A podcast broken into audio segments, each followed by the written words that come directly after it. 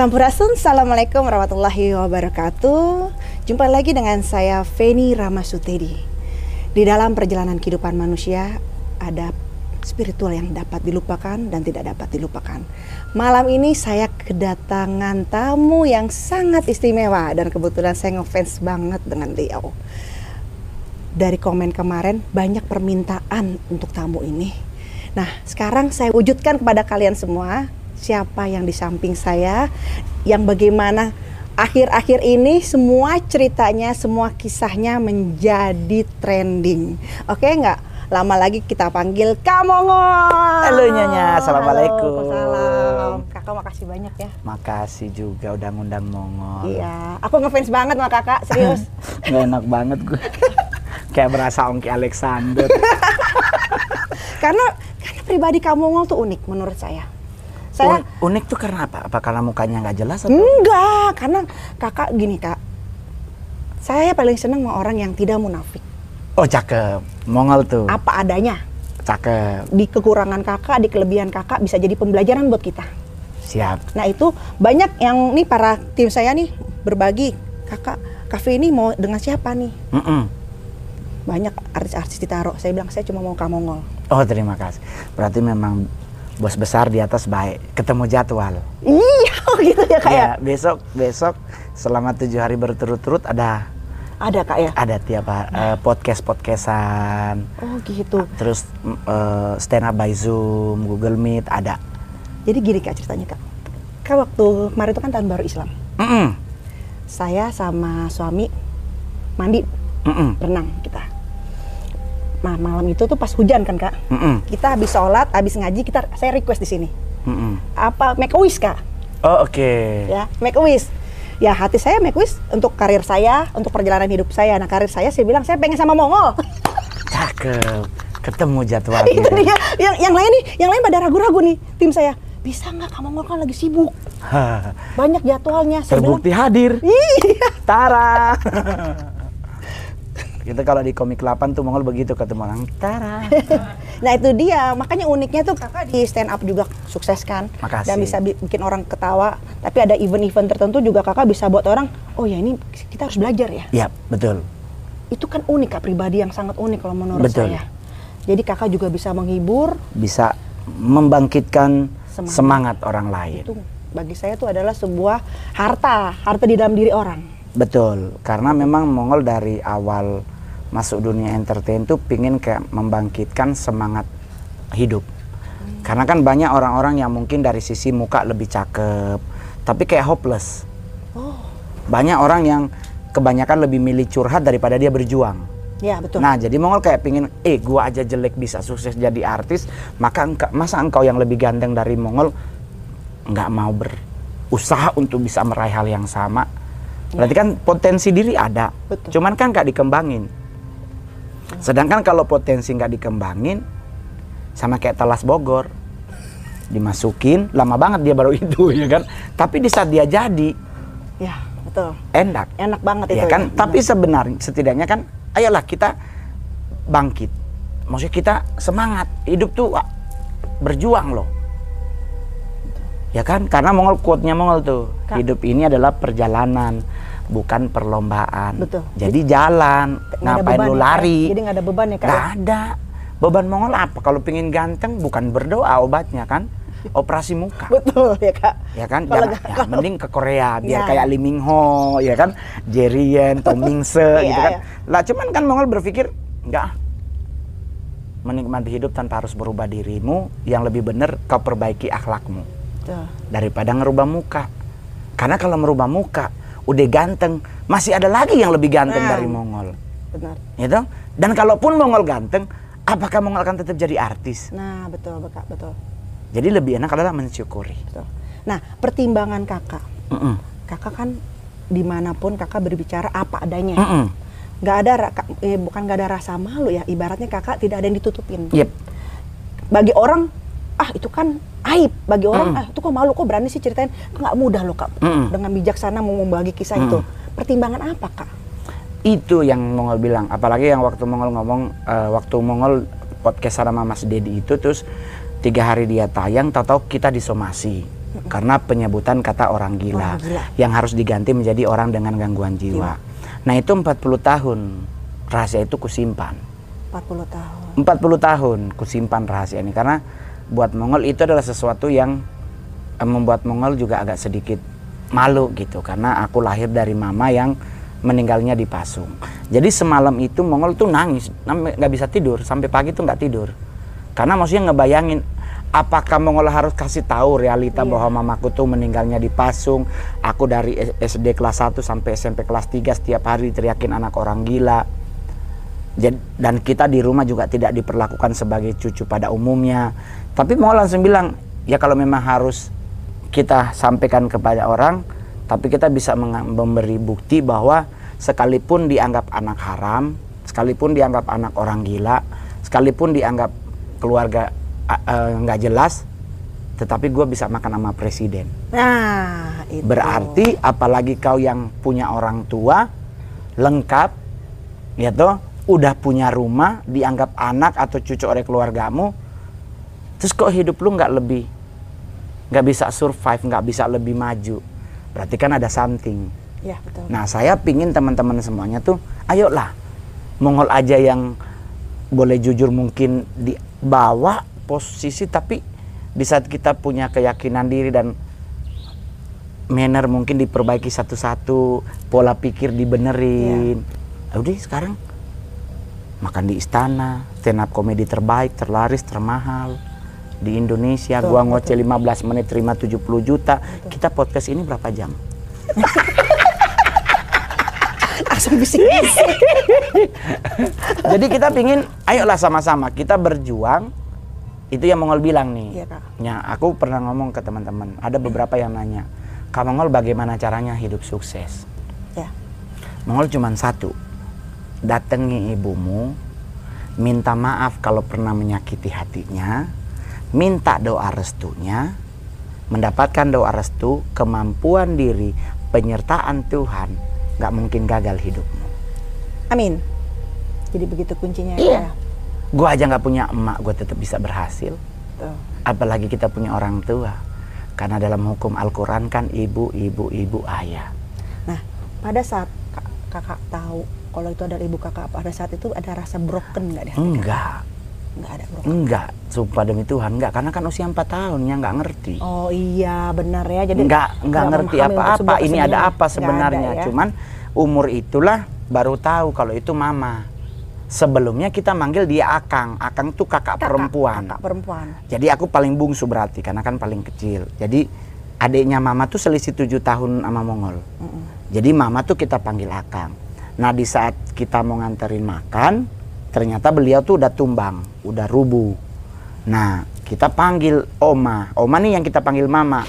Mak, mak, mak, akang sorubu, maksudnya sorubu toh, kos sobiru. Terus eh, oh iya iya iya ya pergi jo sekolah oh mama mama mau lihat. Ternyata udah meninggal. Hari kedua mama tuh ha- empat hari kalau nggak salah em- empat apa tiga hari baru dimakamin.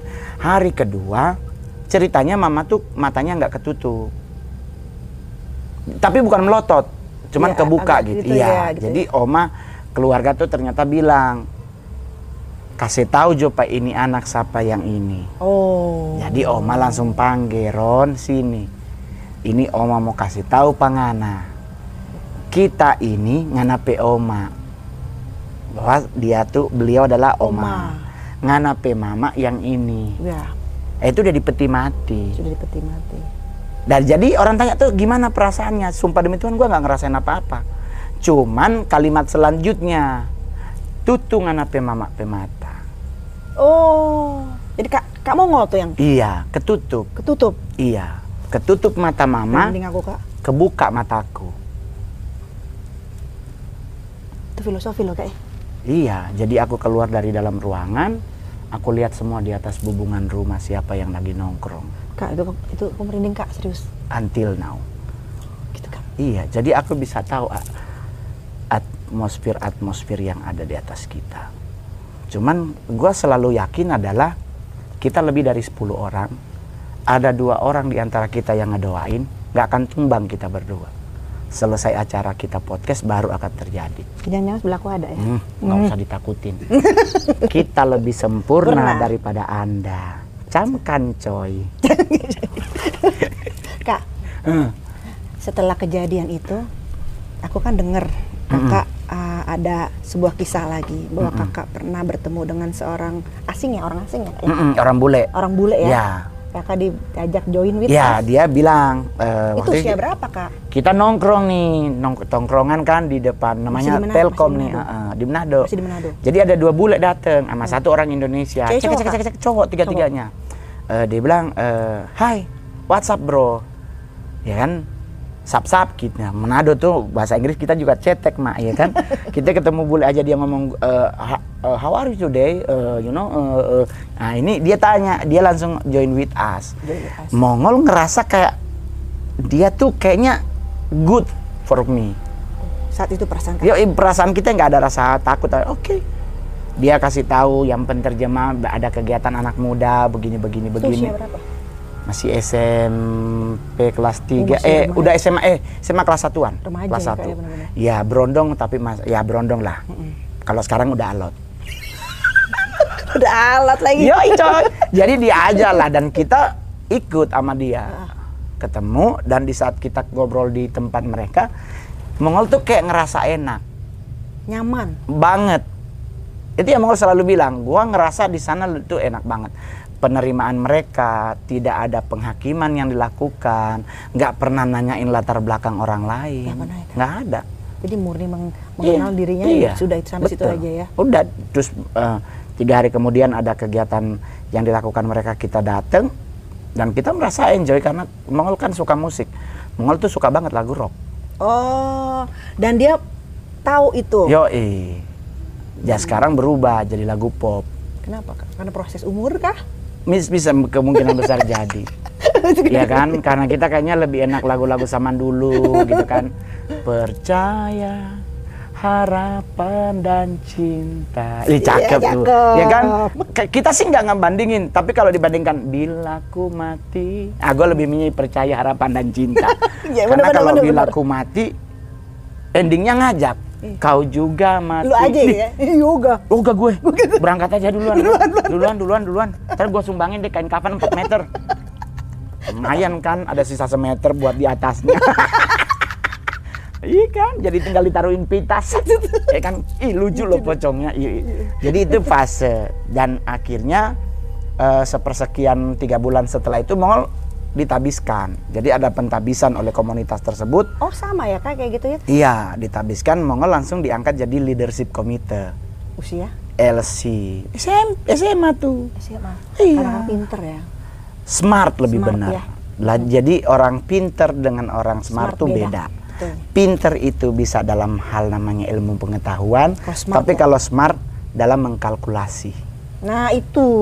hidup itu. ini tidak soal berhitung tetapi soal mengkalkulasikan Kalkulasi. memapping Hmm. saya usia segini di saat gagal menikah dua kali saya tidak mau menikah lagi karena putriku makin besar jika saya melakukan sesuatu yang berhubungan dengan perempuan, aku mengerti, aku tahu tentang hukum tabur tuai. Oh tabur tua ya. Apa yang kau tabur, itu juga yang kau tuai. tuai. Kalau aku menyakiti perempuan-perempuan-perempuan, anakku pun akan mengalami hal yang Iya, sama. Untuk Agar tidak terjadi, putus kakak. sip. Lima tahun itulah aku bertahan. Jadi, enjoy, enjoy. Hiburan, Mobile Legend. Sampai jam 4 pagi. Udah nggak kepikiran lagi tuh otak-otak yang Yang nggak gitu bisa ya, nanti tidur. Bangun di jam 10 mau ngapain lagi, Kerja udah lagi, lewat. gitu, kerja gitu kan, Mikirin materi juga kan. Iya betul. Gak enak soalnya kalau stand up comedian tuh saya nggak pernah nulis. Selalu materi kurang kayak dalam otakku. Jadi di saat ketemu, join, udah. Baru keluar 98. 97-an. 1997. Mm-mm. Nah kak sekarang ini lagi lagi banyak konspirasi Mm-mm. eh, tentang tadi aku masih penasaran dengan masalah satanis. Mm-mm. Banyak konspirasi bahwa Lucifer itu Mm-mm. katanya punya istri. Apa benar bisa Lucifer punya istri manusia?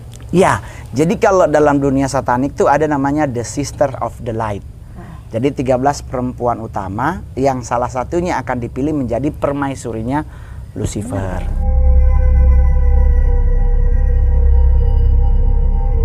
Iya, dalam dunia satanik ada. Nah, Lucifer. Lucifer yang milik nanti. Iya, Lucifernya ini maksudnya dia udah Angel. masuk ke manusia. Iya. Udah kak. Eh, jadi di- eh, saya nih dari sisi Mongol ya, Hah? bahwa Lucifer bisa menampakkan diri sebagai dirinya atau ke numpang.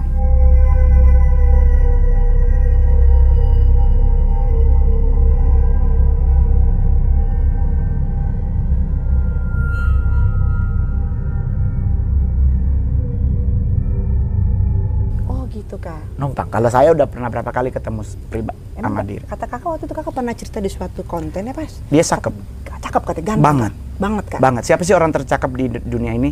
Kalah sama Lucifer. Kan auranya. Tapi cuma 10 menit.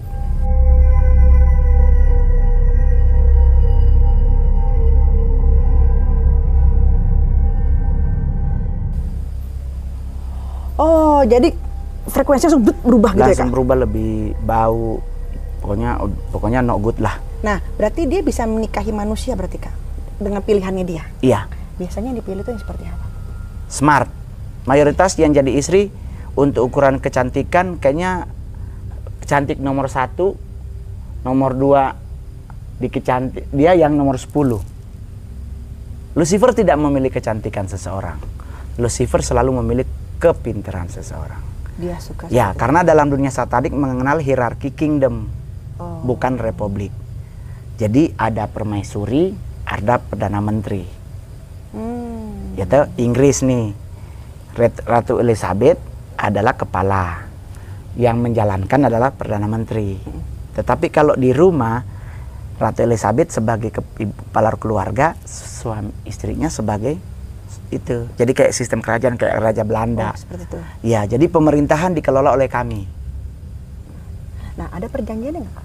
Ada Nah kan The Black Covenant namanya The Black Covenant Covenant. ya nah, ikatan perjanjian perjanjiannya itu kak darah blood blood Berarti kalau mau jadi istrinya Lucifer masuk dulu ke dalam suatu perkumpulan Iya. tersebut atau memang misalnya nih kak? Enggak, dia random. Nggak, dia nggak masuk nih kak ya, Random. tapi Lucifer suka sama iya dia. random Itu bisa. Bisa. Jadi yang jadi istri Lucifer, permaisuri Lucifer bukan orang yang udah jadi anggota. Oh gitu. Ada yang di luar mungkin Lucifer suka dan dia tarik ditarik masuk. Nah, untuk menjadi istri Lucifer permaisuri harus join dulu with us. Oh oke. Ah, jadi ini dia datang hari San, hari Senin nih. Ah, ah. Ritual kedua hari Rabu, ritual ketiga hari Jumat. Nah, hari Jumat lah pil- pemilihannya. Oh, gitu ya. Kak. Iya, nanti dia harus melakukan yang namanya the black covenant. Nah, siapa yang terpilih dikasih hadiah? Berupa duniawi. Tato. Tato. Heeh. Lambang. Yoi, eh, tato, tato bunga mawar hitam. Bunga mawar enggak. Jadi the, the black rose The Black Rose. Sis. Pasti Black Rose. pasti. Bahkan untuk undang Lucifer kan salah satu yang harus ada adalah black rose. Tapi memang Black Rose ada. Apa memang? Ada. Aku kan tahunya sampai. oh, Enggak, maksudnya kalau bunga rose orang bilang tapi kan nggak ada rose-nya hitam, ada merah. Tapi bukannya kalau rose dia di Lama oh Asia. Ya ya ya ya. ya, Sama ya. juga kalau ngundang Belzebub, pepaya busuk kan sebagai Belzebub? salah Belzebub Itu tuh siapa tuh? Ah, itu dari sembilan lord dari da- kan kalau di satanik tuh dari dalam dunia kegelapan tuh mengenal ada 72 Gotia tuh dibilang kalau kita kan sembara for us baru ada high rank nah yang sembilan ini premium rank nah di situ ada Lucifer ada Baal ada Belzebub nah untuk manggilin mereka ini harus ada benda yang menjadi benda kesayangan Lucifer itu Black Rose itu Oh oke. nanti dikasih di payudara taruh di situ ya. Iya, sama cewek yang jadi permaisuri. Orang umum bisa ngeliat. Eh, enggak. Misalnya kalau oh, enggak. lagi pakai bikini atau gimana orang umum Oh, bisa- bisa, tapi ada ada ada orang tertentu yang akan tahu. Dan kalau orang itu tahu, yang punya pasti akan tumbang. Oh, oke. Karena itu kan perlindungan dirinya dia. Iya, iya benar. Kalau Mongol tato naga. kakak ada, ada. Iya, di- dari sini sampai ke bawah sini. Itu waktu kakak di Sana, masa-masa iya, itu. dua tahun harus di hilang. Hmm. Tapi bukan tato yang tetek-tetek enggak, maksudnya kayak dikasih Iya, gitu, diituin. Nggak terasa Itu- gitu, Kak? Enggak. Itu adalah pelindung. Jadi Mongol punya dark angel yang jaga tuh namanya Agares. Nah itu kalau mungkin nonton konten tuh ada di konten opera. Konten opera ya. Iya, yang di part 3, yang di atas rooftop tuh sebelah kanan dianya lagi nunggu untuk Mongol ngebuka pintu untuk mereka masuk. Nah kak, Lucifer sendiri dia memberikan keturunan nggak? Kalau di Indonesia sih belum karena Kalau di luar? perempuan yang melahir yang hamil itu kan Lucifer numpang badan. Bersetubuhlah terjadi. Iya, melahir nanti kan hamil di tanggal 20 Desember itu harus digugurin. Setelah berapa bulan di perut? Terserah berapa bulan. Ada ketentuannya kak? Iya, pokoknya dia harus gugur di tanggal Desember tanggal 20. Kenapa tanggal 2? Karena Walpurgis iya ada acara ritual di situ. Nah, itu yang akan dikonsumsi nanti, konsumsi. dimakan. Setiap ritual satanik tuh ada perjamuan kudus namanya. Ya kan, perjamuan kudus itu minum darah dan daging. Bukan binatang tapi manusia. Tapi bukan orang di rumah terus diculik atau bayi di rumah sakit terus diculik, tidak. Darah dan daging ini dapatnya dari tempat aborsi.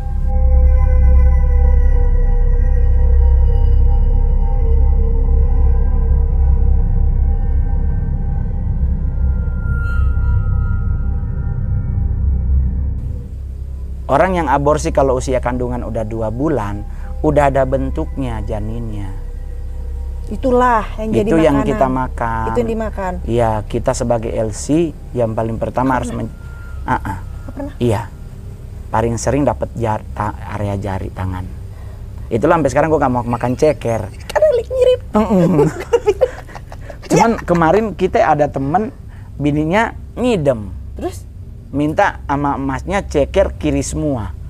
ya Tuhan. Dibalikin duitnya Dibalikin sama emasnya. Lu gila orang ke mana nih? Mana ada, Jari kiri kiri nih ayam nih semuanya Ayam sama. mana gitu. ada. Jadi ada-ada aja kalau orang ngidem cuman kan di satanik seperti itu. Jadi yang jadi permaisuri melahirkan keturunan tapi tidak pernah dibesarkan. Oke. Tetapi kalau ada orang yang melahirkan karakternya kurang lebih kayak di film Omen itu bukan permaisuri tetapi dicoiskan. Dipilih. Dipilih ya, Iya. ya. Melahirkan anak yang karakternya seperti itu. Nah ini kan konspirasi banyak kak. Katanya Beyonce itu adalah istri dari Lucifer. Saya belum pernah melihat tatonya. Belum. Belum. Karena lambang tato itu nggak ada. Oh Kita mantan-mantan pasti tahu. pasti tahu ya, kak ya. selalu ada di payudara sebelah Kiri. kiri. Oke. Nah kalau perbedaan satanis dan Illuminati itu, Sebenarnya kalau satanik itu kan agama. oh satanik itu agama. Iya, satanik itu agama. Maksudnya orang orang-orang yang menyembah setan, Hmm. satanologi. Nah, cuman apakah Illuminati bagian dari satanik? Tidak. Oke. Di atas di Induknya. sebelah lagi, iya. Jadi Tertinggi beda. dong, Kak, nggak? Religionnya udah beda. Oh sudah beda. Udah beda itu. Tapi itu bukan golongan organisasi. Organisasi. Oh, benar, organisasi, Yoi, coy. Oh, komunitas. komunitas itu, itu Kak. semacam geng. Oh dan kalau dan orang-orang smart semua ya kak. Ya, orang smart, rich people, tapi tidak semua orang kaya, tidak semua orang pinter sih. Cuman kalau Mayoritas satanik ya. itu selalu mencari orang pinter. Kenapa orang pinter? Dari 100 orang pinter di dunia, ya, 10 yang percaya Tuhan. 90 lebih kurang yakin dengan Tuhannya. Tapi bukan bu- bu- bukan nggak percaya, Kurang yakin. kurang nih percaya. Ya, karena itu ya, percaya. Nah, orang seperti ini caranya beda yang di atas mempertobatkan mereka. Orang yang pinter nggak boleh ketemu sesama pinter. Oke. Tapi orang yang pinter harus ketemu dengan orang yang smart. Kelar hidupnya. Saya ketemu sama orang pinter di salah satu kampus. Waktu itu Mongol habis ngisi acara, terus dia bantahin Mongol. Pak Mongol nanti kalau bisa jangan ngajarin hal-hal yang tidak bisa dibuktikan secara ilmiah. Nah maksudnya Prof, begini loh Pak Mongol. Pak Mongol harus cari data otentik baru sampaikan itu. Karena kalau Pak Mongol sembarang ngasih tahu cuman karena berdasarkan agama, nggak ketemu Kak Mongol, Pak Mongol. Karena secara ilmu pengetahuan bumi ini diciptakan. Bumi ini terjadi tabrakan meteor, bukan diciptakan. Secara itu ya. Ya lah, hah? masa, Prof? Iya. Ini. Bumi itu tuh tabrakan meteor, membentuklah gugusan bumi dan sebagainya. Oh, begitu, Prof. Iya, karena bukti otentiknya ada, Pak Mongol. itu tuh Oke, teori, teori. Big Bang apa? Teori itu, ah. teori itu, teori itu. Mongol tanya lagi sama profesornya, kalau begitu, Prof, mo- mohon nanya atum. Siapa yang ciptakan meteor? Nah, tiga-tiganya ada pada depan. Siapa ya? Ini kita salah nanya orang kayaknya nih. Ya kan dia bilang kan tidak diciptakan toh, tapi hasil tabrakan. Tabrakan. Pertanyaannya meteor, meteor siapa, yang bikin? ciptaan? Benar. Sekarang tiga profesornya dua Islam satu Kristen. Setelah itu. Jadi orang pinter itu kalau ketemu sesama pinter akan menjadi satu sekutu. Hmm. Tetapi kalau orang pinter, Pintar ketemu, ketemu orang sama orang smart, kelar hidupnya. Kelar hidupnya. Gitu ya. Jadi kita harus cari sisi. Sisi mana yang membantah, bukan kita membantah membuat dia percaya Tuhan tidak. Biar dia mikir bahwa tidak semua hal yang lu ketahui, lu seolah-olah diri lu lebih tahu daripada kita. No. No ya kak ya. Di satanik orang pinter banyak banget. Orang smart lebih banyak lagi. Karena yang dicari memang orang smart. Kenapa orang smart?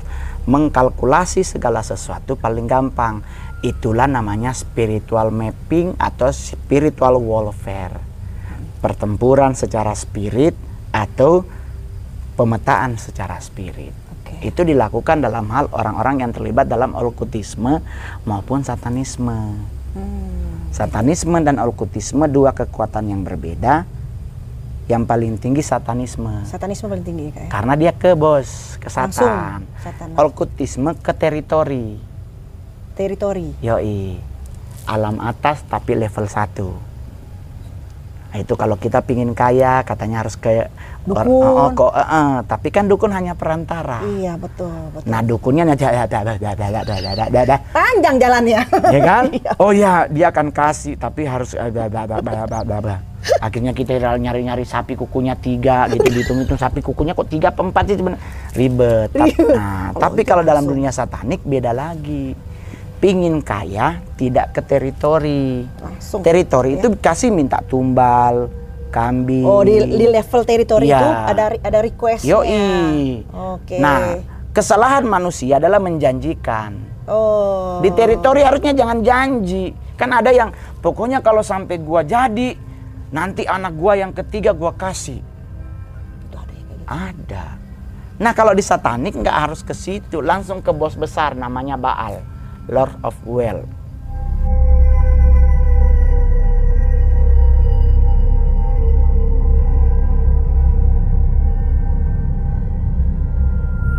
Nggak minta tumbal.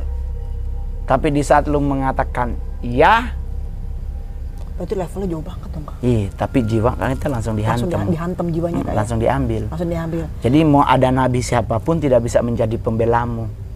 Karena engkau Iya, sudah memberikan jiwamu. menyerahkan jiwa. Nah, yang paling berbahaya itu. Nah, itu yang Mongol bilang mendingan datang ke emak, minta maaf, minta doa restu, kemampuan diri, penyertaan Tuhan pasti sukses. Amin.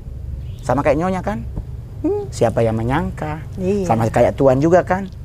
Everything under control. Di saat kita percaya apa yang kita lakukan good, pasti hasilnya Betul. good, better, and best. Yes. Eh, bagus bahasa Inggris juga kan? kursus loh. Iya loh. Di Juliana kursus menjahit di pasar baru, Iya, pasar beda, Rebo. ya, tapi kan kursus menjahit benang bahasa Inggris, jarum bahasa Inggris. Jadi kita hatam-hatam yang begituan. Gini, Kak, kalau menurut kakak Heeh. antara iblis, Heeh. setan dan jin Ah. atau iblis dengan jin itu beda nggak? Beda jauhnya. Sama dengan kan- agama Islam kan aja, antara dajjal dan syaiton kan beda. Pergaulan be- beda pergaulan juga mereka ya? Bukan beda pergaulan, hierarkinya aja beda. Mana? Dajjal. Emang Isa dan Nabi Imam Mahdi datang mau bertempur sama syaiton apa sama Dajjal? Sama Dajjal, si mata satu. Otomatis hierarki dia lebih tinggi. Oh jadi iblis itu dajjal, Nah, jadi kalau bahasa Inggris itu Satan satan. sebagai Lord of All. Dia induknya nih. Nah, induk ini si mata satu ini yang diprediksikan tuh kayak di uang negara lain tuh. Kan ada segitiga, ada mata di tengah. Kan konon kabarnya itu kan mata Horus. Nah, Itu lagi balik lagi ke mitologi. Oh, Ya tuh cuman tinggian siapa otomatis tinggian Satan.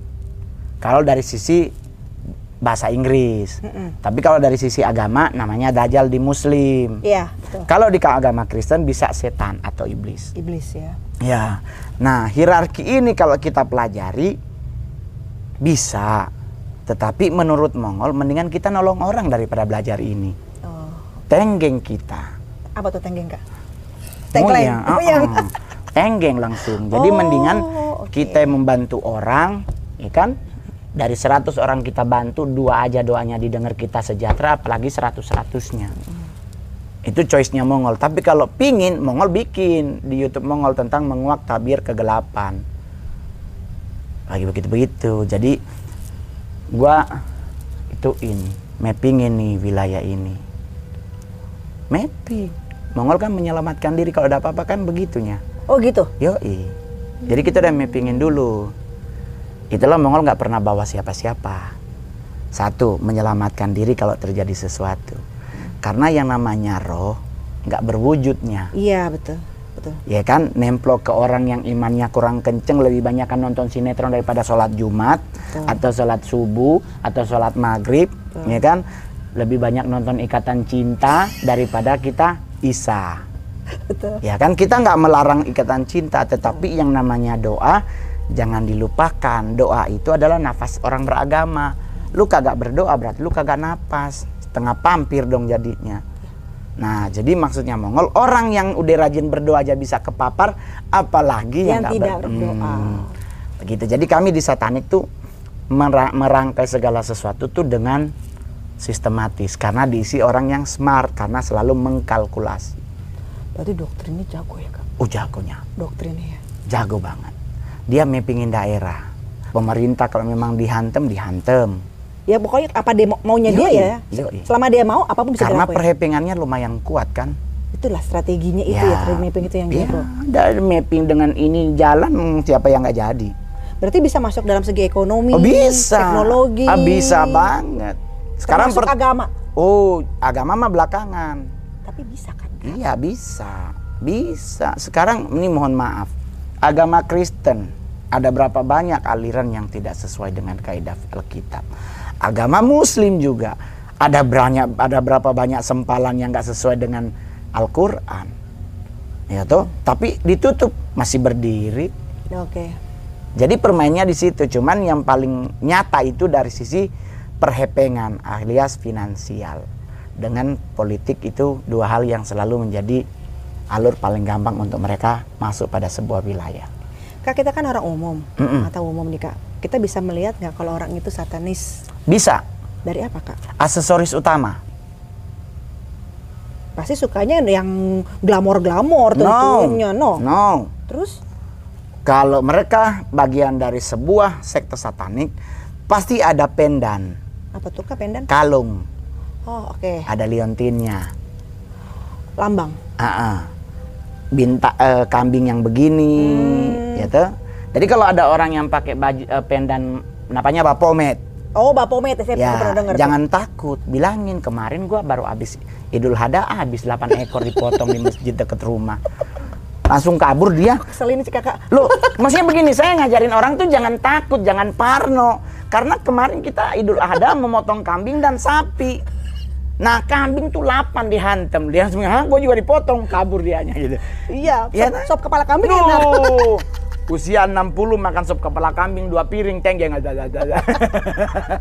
Jadi gitu. itu aksesorisnya. Baru kalau enggak pentagram. Pentagram tuh bintang segi lima terbalik. Oh iya iya. Ya, kalau ada orang yang pakai bintang segi lima terbalik, terus dia ngajak jabat tangan, jangan pernah mau. Kenapa emang? Covenant blood.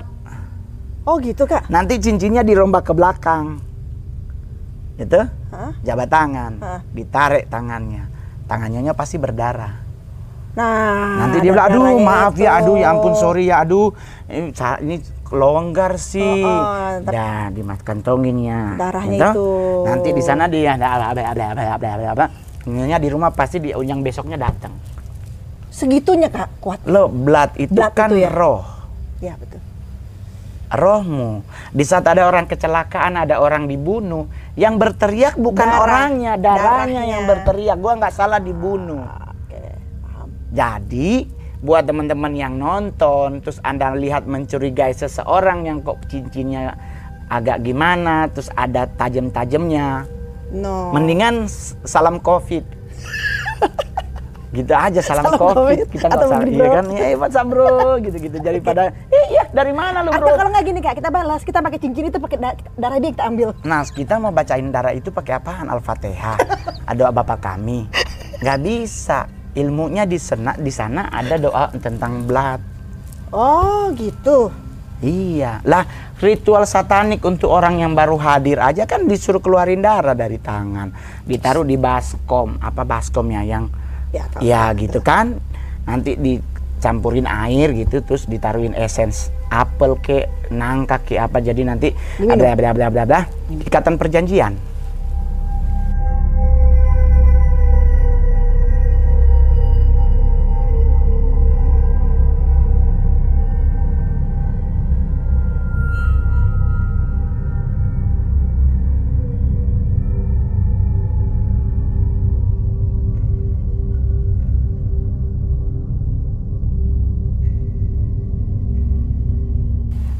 Itu nggak batas waktunya kalau kita perjanjian? Kayak kakak misalnya waktu itu. Oh, enggak, enggak ada batas waktu. Kalau saya keluar karena bos besar di atas ngizinin saya keluar. atas izin Tuhannya kasih. Yoi coy, nggak bisa. Tujuh jenderal Asia yang keluar, lima pingin kabur. Satu yang berhasil. Apa yang Satu mati, tiga masih bertahan. mati? Ada Mati yang di Thailand meninggal. mati wajar? Apa mati? No, di hotel Tumbang. Berarti kakak termasuk perlindungan Tuhan benar-benar. Karena seluruh kan kalau nonton di part 3-nya opera itu terlihat saya tuh tenggeng. Hmm. Mau tumbang. Bener-bener mau tumbang. Karena tekanan yang ada di atas temen juga nggak mengimbangi. Ya tuh dia juga dihantem, tahu-tahu dia berubah jadi maung, eh jadi itu, gua tinggal sendiri, gua duduk diam. Nah, gua bikin tuh tulisan di lantai Immanuel, kan namaku Roni Immanuel. Immanuel itu kan dari bahasa aslinya tuh God be with you. Gua langsung bilang, gua tetap yakin Tuhan pasti menyertaiku. Berdiri gua lah jalan ke sono. Balik, berhenti, cewek yang seorang reader tarot dia ngomong, di Bang Mongol ada sosok karismatik.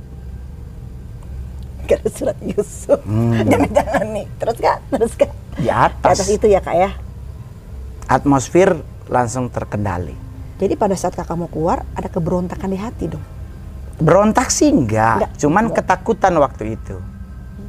Itulah kenapa dua tahun itu Mongol nggak ke mana-mana. Karena kan lagi di Uber. Kegiatan juga nggak ada ya kak ya, sama sekali kak ya. Nggak ada, cuma di kamar aja makan doa, makan doa, baca Alkitab gitu-gitu. Karena kan Mongol bertobatnya di jalur Kristen. Iya. Baru pelepasan. Di Islam rukiah. Jadi ngerukiain orang yang terlibat dengan ini, yang punya pegangan ini, yang punya susuk ini, yang punya ini kan kalau di Muslim tuh rukiah. Iya. Keluarin, baru kita terima Tuhan nih. Ya kan kalau di agama Islam langsung suruh baca Al-Quran. Padahal sebenarnya buat orang-orang yang terlibat dengan okultisme gampang obatnya. Lakukan penyangkalan diri ajanya. Oh. Jadi buat teman-teman di rumah yang mungkin, aduh Kak Mongol, tapi kan gua mungkin udah enggak, tapi bapak gua kayaknya dulu nyimpen bang. Bukannya itu turun, turun ke bawah, maksudnya dari bapak akan ke salah satu anak.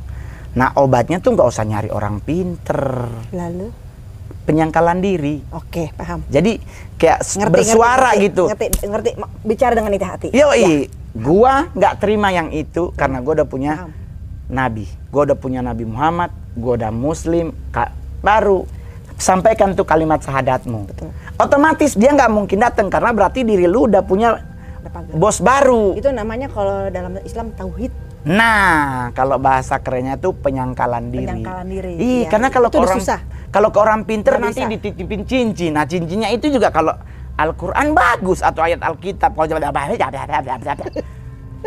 Ya kan jigongnya kena ke kita terus kita bilang orang pinter. Orang kita yang sarjana beliau cuman SMP jadi sebenarnya ini yang pinter gua apa dia ya gitu. Jadi di situlah dalam hal begitu. Jadi harus lakukan penyangkalan, Penyangkalan diri. gitu ya diri kayak. itu nggak usah ke orang pinter. Jangan ya kayak. apalagi kita udah tinggal generasi kedua. Mungkin bapak kita atau emak kita gini gini gini terus kan itu nurun ngol. Enggak lakukan penyangkalan diri baru yang itu mongol bilang berkatakan bahwa kalau dia kalimat syahadat kalau di Kristen terima Yesus baru kasih tahu bahwa gua diciptakan lebih sempurna daripada dirimu Oke. konten kita ini bisa jadi lima part Bener juga ya. eh kenapa kan gua nggak ada cara Iya. gua lebih nyaman kalau lihat air Ah, Iya, kenapa? saya pencinta pencinta, Pencinta kolam. Iya, gua Oh. olahraga yang paling gua suka dari Mesti kecil tadi dari berenang SD. dulu sini. Oh, nggak enak. Nggak enak. Soalnya kita nyarinya yang 10 meter. Apa sih kok dalam banget 10 Di meter? Kak? enak. Hah? Enak. Karena dulunya kali di Manado kakak sering nyelam kayak gitu. Ah, iyalah kita kan orang pantai saya. Iya. Saya liburan ke luar negeri nggak pernah. Oke, jadi Saya ke luar suka negeri ada- manggung. Tapi kalau liburan all Bali. Oh gitu. Ya pertama bahasanya ampe, makanannya aman. Kak, Kalau gua ke, ke ke Perancis dikasih coklat sama roti, gua mumet. gua ke Perancis nyari-nyari rumah makan Padang nggak ketemu, besoknya gua bilang gua pulang, meninggal gua kalau dua hari lagi. Nggak nyampe gua, Mak. Gak bisa ya kenapa iya. Tetapi Mongol adalah seorang Kristen hal Kristen kalau teman-teman gua bilang gua tuh Kristen syariah. Kadang nggak makan yang kayak Nggak gitu-gitu. makan babi, gua nggak makan anjing, gua nggak makan kucing, gua nggak makan ular, nggak Dari makan. kecil tuh, Kak. Dari kecil gua cuman makan tujuh ikan. Tapi ada satu yang makan. Apaan? Dari bayi. Iya, tapi kan gua lebih berbahaya lagi kalau makan temen. Jangan atuh Kak. Ada sekarang lagi booming. Oh, iya. Karena pandemi jomblo pacar temen dihantam. Dia lagi ngetren ya Kak ya. lagi ngetren temen makan temen. Gitu, Itu lebih serem ya Kak? itu lebih serem daripada makan bayi. Karena berarti kita nggak punya otak, masa punya temen dihantam. Berarti lu nggak punya usaha. Betul. Jadi Nggak itulah laku proses. banget ya. jadi begitu-begitu tuh di satanik dilakukan memang dengan cara yang orang bilang sadar. Ya sadar lah. Mungkin nggak iblis masuk ke dalam kita, menggoda kita dalam sebuah mimpi? Bisa. Misalnya kayak contohnya Lucifer suka sama perempuan itu, Hmm. masuk dimimpiin mimpi. Eng- eh, bisa ada juga yang enggak Lucifer tuh selalu mengkalkulasi yang akan jadi istrinya dia tidak mencari yang beautiful istri Lucifer Smart. pertama yang keluar itu namanya Elaine dia orang Amerika itu ketemu oleh seorang psikiater namanya Rebecca Brown istri yang sekarang di Asia di Asia itu orang Jepang Oke. dia dari Jepang. Nah, dia juga sekarang lagi pada posisi sementara kita mau rebut. Kan udah ada dua orang yang pernah mau dijadiin istri. Satu orang Jawa Barat, Ada. Ratu Jawa Barat, Oh, cewek. Ada di di di Instagram Mongol orangnya. Iya. Dia baru ketemu Lucifer. Udah mau dijadiin sebagai salah satu dari 13 utama, kita rebut di salah satu hotel di Bandung. Saking hebatnya, emaknya nunggu di BIP, Heeh. di pintu toilet. Untuk toilet. Nih kan, toilet nih. Emak, dia masuk sini, emaknya di sini. Oke. Ya, emaknya nih di dekat pintu toilet. Emaknya buka pintu, orang anaknya nggak ada. Udah ada di Ciwidey. Tuh. Dari mana dia dari hot BIP bisa ke Ciwidey? dia kan jauh banget kak. Lucifer yang bawa tel. Itu berarti dalam keadaan nggak sadar dong kak. Iya. Tapi sekarang udah Udah selamat kak. Udah udah dia. udah keren. Oke. Jadi permainan begitu-begitu tuh di dunia satanik dijelasin secara otak nggak nyampe. Benar paham. Tapi kalau orang-orang yang mengerti lingkungan seperti itu, apalagi yang menghatamkan tentang perjinan mana yang put, mana yang jin muslim, mana yang tidak tuh hatam. Bahkan buat orang-orang yang punya mapping keren, pintu rumah ada yang ngobel-ngobel di bawah ketahuan di dalam. Karena feel-nya kita feel yang dari atas. Nah, jadi ada orang yang berniat jahat kepada kita, gampang sebenarnya solusinya. Itu yang Mongol selalu bilang. Di saat kita nyiram tanaman, ya, nyiram nih bunga, bacain aja kalau orang agama muslim tuh bacain ayat kursi. Jangan lupa di rumah bacain Al-Fatihah karena Al-Fatihah itu doa-doa arah ke atas, ke diri. Betul. Bacain aja. Jadi Mongol selalu yakin bahwa ada rencana niat jahat orang nggak akan nyampe karena ada bumper. Tuh, secara roh akan terlihat. Tapi kalau secara fisik nggak akan terlihat. Tetapi di saat kita menghatamkan itu menjadi sebuah kekuatan dan kita percaya karena ini adalah firman Allah, ya kan? Otomatis nggak pernah akan mengalami kekalahan. Oke. Goyang iya. Pohon itu kalau goyang indah, yang jelek patah. Nah, betul. Jadi hidup itu kalau goyang doyong dikit nggak apa-apa. Nggak apa-apa. Yang penting Asal jangan patah. Filosofinya seperti itu. Yoi. Itu filosofi yang mau pegang sampai hari ini. Sampai hari ini. Goyang oke, justru karena goyang itu kan berarti indah. Gitu? Yang berbahaya kalau patah. Nah, pertanyaan terakhir. Kakak kan udah di, pernah di satanik, otomatis kan mereka tahu anak kakak. Mm-mm. Itulah kenapa nggak diekspos sampai hari ini. Nggak ada yang tahu anakku mukanya mana. Iya. Nah, itu Itu salah satunya. tapi ada eh, pernah nggak ada niat untuk ke arah situ?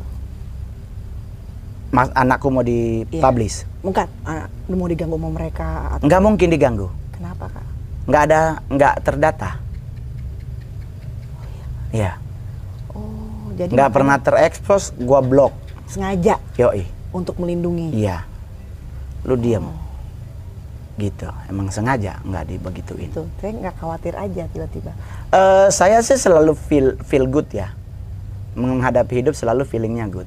Mm-mm. Gitu. Mau eh, apa? Mau melakukan apa pun, gue sudah melakukan mapping juga. Kan. Yoi, ke anak, ke diri, Iya. ke mana-mana. Iya. Jadi termasuk kalau kayak konten begini, kita udah mapping, pasti teritori udah gerak. Cuman kan kita tetap sama bahwa pikiran kita lurus, kelakuan kita juga memang ada bengkoknya tapi lebih cenderung lurus, otomatis shield from God tuh akan ada. Perlindungan Tuhan tuh pasti akan ada. Termasuk perlindungan itu kan sempurna. Seketurunan otomatis kalau kita sebenarnya kayak nyonya sama Tuhan toh punya putri punya orang tua punya orang-orang rumah nah siapa yang dalam satu rumah pasti akan tercover all bukan one by one iman pertanggungjawaban satu-satu tapi perlindungan satu rumah jadi kalau bicara iman bicara eh, tauhid bicara hidayah itu satu-satu. Hmm. ya toh? Nyonya passionnya di sini. Tuan passionnya di sini. Anak nyonya passionnya di sini. Itu pribadi. Tapi the coveringnya. adalah pada satu rumah tangga. Yes. siapa yang menjadi leader siapa yang menjadi imam siapa yang menjadi istri rumah itu pasti akan dilindungi jadi itu yang Mongol selalu pegang teguh dan itu selalu Mongol bilang ke teman-teman jangan pernah lupa adalah doa eh Al-Fatihah baru lanjutin Anas Kenapa boleh luar biasa ya perjuangan hidupnya ya. perjuangan hidup iya karena saya harus biasa. melewati fase jualan koran di pinggir jalan kurang Luar lebih dua tahun Mata saya ngerasain aja. Kakak perjuangan hidupnya luar biasa. oh tapi kan ya ya yang penting endingnya adalah I'm the winner Kakak pernah nangis gak sih?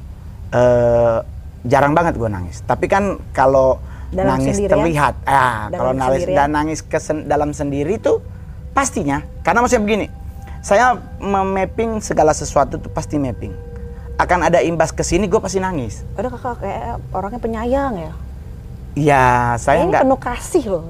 ya Bener nggak tega, Ya, nggak Kak. tega. Kakak Tapi gue juga belum tentu sempurnanya, gue masih agak Enggak sedikit, lah, Kakak agak geser-geser. Ya namanya juga Ya, namanya Mongol stres. geser, wajar aja. Kayak pohonan kan geser, Namanya Kakak. juga Mongol stres tuh. Iya, Cuman gitu. eh, until now sih semuanya under under control. Jadi Iya. buat teman-teman khususnya anak muda juga nih Mongol mau pesen yang menonton podcast ini adalah di saat Anda menghadapi masalah atau beban yang sangat berat, sebenarnya jangan nge-DM kayak nge-DM Mongol. Bang, ada link nggak buat masuk satanik? Gua pingin masuk deh bang, gua kasihan nih kelilit utang begini begini begini begini. Harusnya tuh jangan ke situ. Ajak orang tuamu, engkau tuh tadarusan. Kakak tuh hebat loh. Padahal maaf ya, Iya, Kristen kan. bukan. Terus? Kakak kan istilahnya waktu kecil kan nggak tahu itu ibu Iya, kakak. benar. Tapi kasih. Nah, saya Nah, bilang kakak nah. tuh punya kasih. Nah, Itu tadi saya ngerasain itu. Kakak punya saya kasih. ditanya oleh banyak teman-teman dari Ustadz Habib Baik gitu kan. Mongol selalu bilang buat nangkal satanik itu salah satunya dengan tadarusannya. nyonya tuan putri mama gitu kan serumah ini tah malam Jumat gitu kan? Nggak usah dulu ngurusin sunnah rasul tadarusan aja dulu. Sendiri juga boleh tapi kan gua belum hatam Al-Quran bang. Tenang aja dalam tadarusanmu itu akan ada yang ngajarin loh akan ada yang ngebisikin oh ini salah cengkok nih. Itu tuh yang enak. Kenapa tadarusan itu penting? Karena lu membangun iman lewat firman lewat Quran. Kalau kami Kristen lewat Alkitab. Di saat firman itu hatam dia membentuk blok membentuk tembok. Jadi keluarga akan ada pengajaran baru. Oh ada begini ini dari Arab. Atau kalau kami di Kristen, oh ini pendeta ini keren. Nah kita udah kehatam nih firman. Ah nggak sesuai firman nih, pasti ada yang ngingetin. Oke. Jadi ngebangun tembok menyelamatkan kita untuk tauhid kita, hidayah kita tetap sempurna, nggak belok, Ya beleng-beleng. nggak. Tar takutnya beleng-beleng, tau doyong, Beleng-beleng. meninggal patah tuh. Jadi itu buat teman-teman ke ibu. Hi- Itu loh pemirsa, itulah hebatnya kamu Mongol yang saya salut. Walaupun punya alkisah masa lalu tentang ibunya, tapi dia mampu mengingatkan kita untuk kita ke ibu. Ibu, Itu kak, itu Yoi. proud of you kak kita. ya Benar. tetap. Karena buktinya saya nggak punya ibu bisa sukses. Nah. Apalagi kalau anda punya ibu. Itu. Itu kakak istilahnya eh, mempetakan kehidupan kakak sendiri. Ya, Kakak seperti itu. Dan bangkit dari bangkit karena kesedihan. yoi. Karena aku pengen jadi bukti. Iya, itu. anakku juga awal-awalnya agak syok. Di saat Mongol main film jadi jadi bencong gitu jadi cowok kemulai. Eh, dia nanya kok papi jadi begitu sih? Kok pakai rok gitu kan. Terus kita jelasin ke dia ini papi cuma di film. Terus om om mami juga ngomong itu kan papi juga nyari duit buat dede buat sekolah tuh. Jadi doain papi ya gini dah jadi sekarang di saat dia ngelihat kita main film bagaimanapun dia pasti Ya. akan ngejelasin papi aku lagi nyari duit buat aku loh. Aku udah punya tabungan segini banyak loh sama papi. Aku udah dikasih duit sendiri. Jadi kalau papi mau nikah lagi aku udah aman. Jadi kalau papi nikah terus ibu tirinya jahat nggak apa-apa aku bisa sama oma aja karena duit aku udah banyak gitu-gitu. Begitu dia ngomongnya. Bijak ya. Bijak. Eh, mungkin. Sebenarnya sih bukan bijaknya. Lalu apa? agak lebih dewasa ses- tidak sesuai umur. Ya karena ya nggak ada mama. Ya. jadi itu. aku cerai sama istrinya anakku usia 4 bulan sehari. Bukan udah lima tahun enggak. An- kita ini malam malam begini nih ngerayain ulang tahun tuh jam 8 tau? Jam besoknya kita jam 10 pagi tuh berantem. Dan berantem itu dia langsung bawa koper. Get out langsung terus kita kan agak ih terus gimana ini anak? Terus dia bilang ngana jo urus nih anak. Jadi suruh Mongol yang Iya. ngurusin nah gue langsung ya ampun Tuhan ini anak gue masih menetek terus gimana nah Mongol waktu itu masih ngontrak-kontrakan peta kan belum artis ibu di sebelah langsung bilang sini Mas Mongol biar aku aja dulu yang jaga yang penting nanti eh, Mas Mongol beli apa ya? Peralatan. termos ASI. Termos ASI. jadi kita belilah ASI di rumah sakit Cipto sama ibu-ibu yang melahirkan yang asinya lebih kita kasih duit 150 ribu asinya dipompa diisi di termos asi tadi jadi anakku dari usia 4 bulan sehari minum asi orang nah efek terjadi sekarang adalah dia tidak mau mengakui ibunya Ya karena itu. dia selalu bilang bukan itu bukan mami aku cuman punya papi Papi. sama oma Ya. Nah bini gua sampai nangis-nangis. Dia bilang nggak percuma aku nggak kenal ibu itu. Aku cuman punya papi sama oma. Kalaupun memang dia ibu aku, oke. tapi jangan berharap dia bisa ambil aku. Nah sekarang istri sama keluarga istri tuh ribut. Mem- mempermasalahkan soal anak tuh harus di ibunya. Mongol langsung bilang, masuk pengadilan kita kalau begitu. Kalau lu mau ngambil harusnya waktu empat bulan itu lu bawa. Karena kalau lu bawa gua jadi artis, hartaku 40% punya gua, 60% punya anak.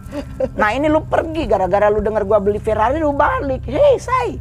Hai darling. Otak lu kayaknya kebanyakan nyanyi "Eng, demi kau dan si buah hati. Nggak ada. Nggak ada. Nggak ada. Gua nggak mau balikan sama orang yang tidak mau hidup susah. Gem gembel ditinggal punya Ferrari Ferrari. lu dateng. Lu dateng. Hello, Paya Kondios baby. Jadi buat teman-teman begitu, buat anda yang mempunyai suami, sebagai seorang istri, dampingi suamimu sampai Tuh. sukses, biar hidupnya bareng-bareng. Bareng. Kak, nama Mongol itu dari mana sih, Kak? Dari film.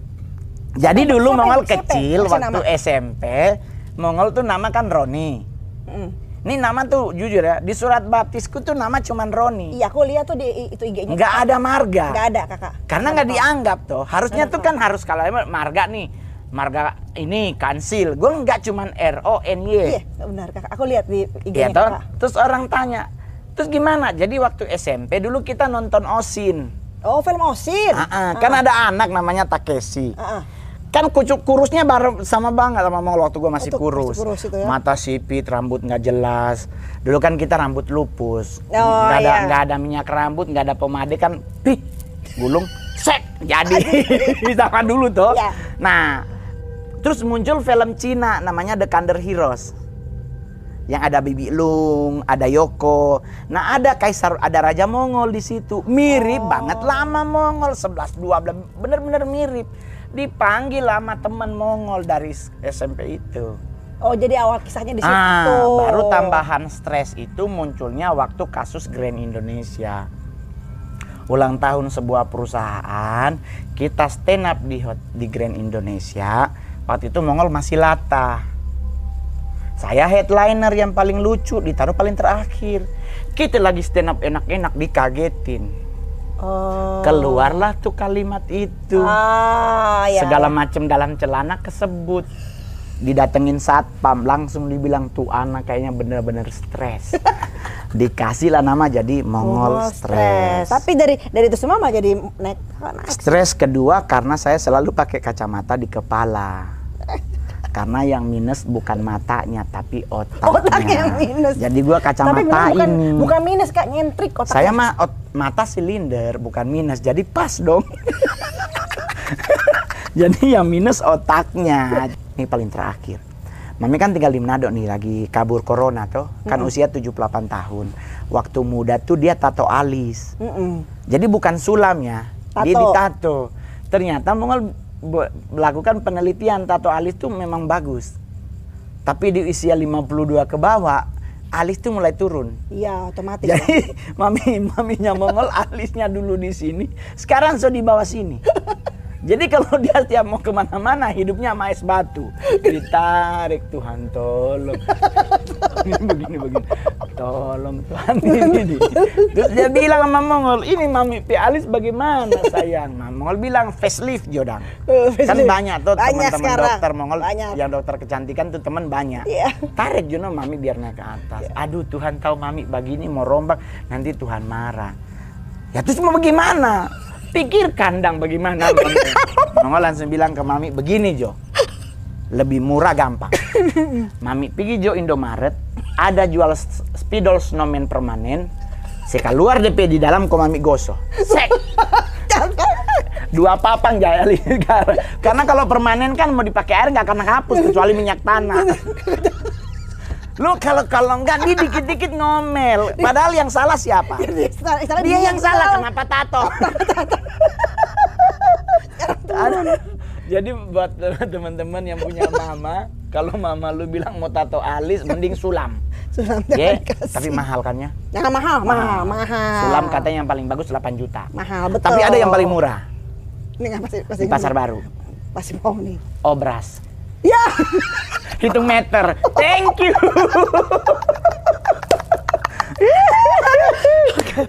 Pakai obras alis. Untuk, untuk malam ini jangan lupa Subscribe, Yes. like, Dan share, share. dan komen. Oke. Paling terakhir, lonceng coy.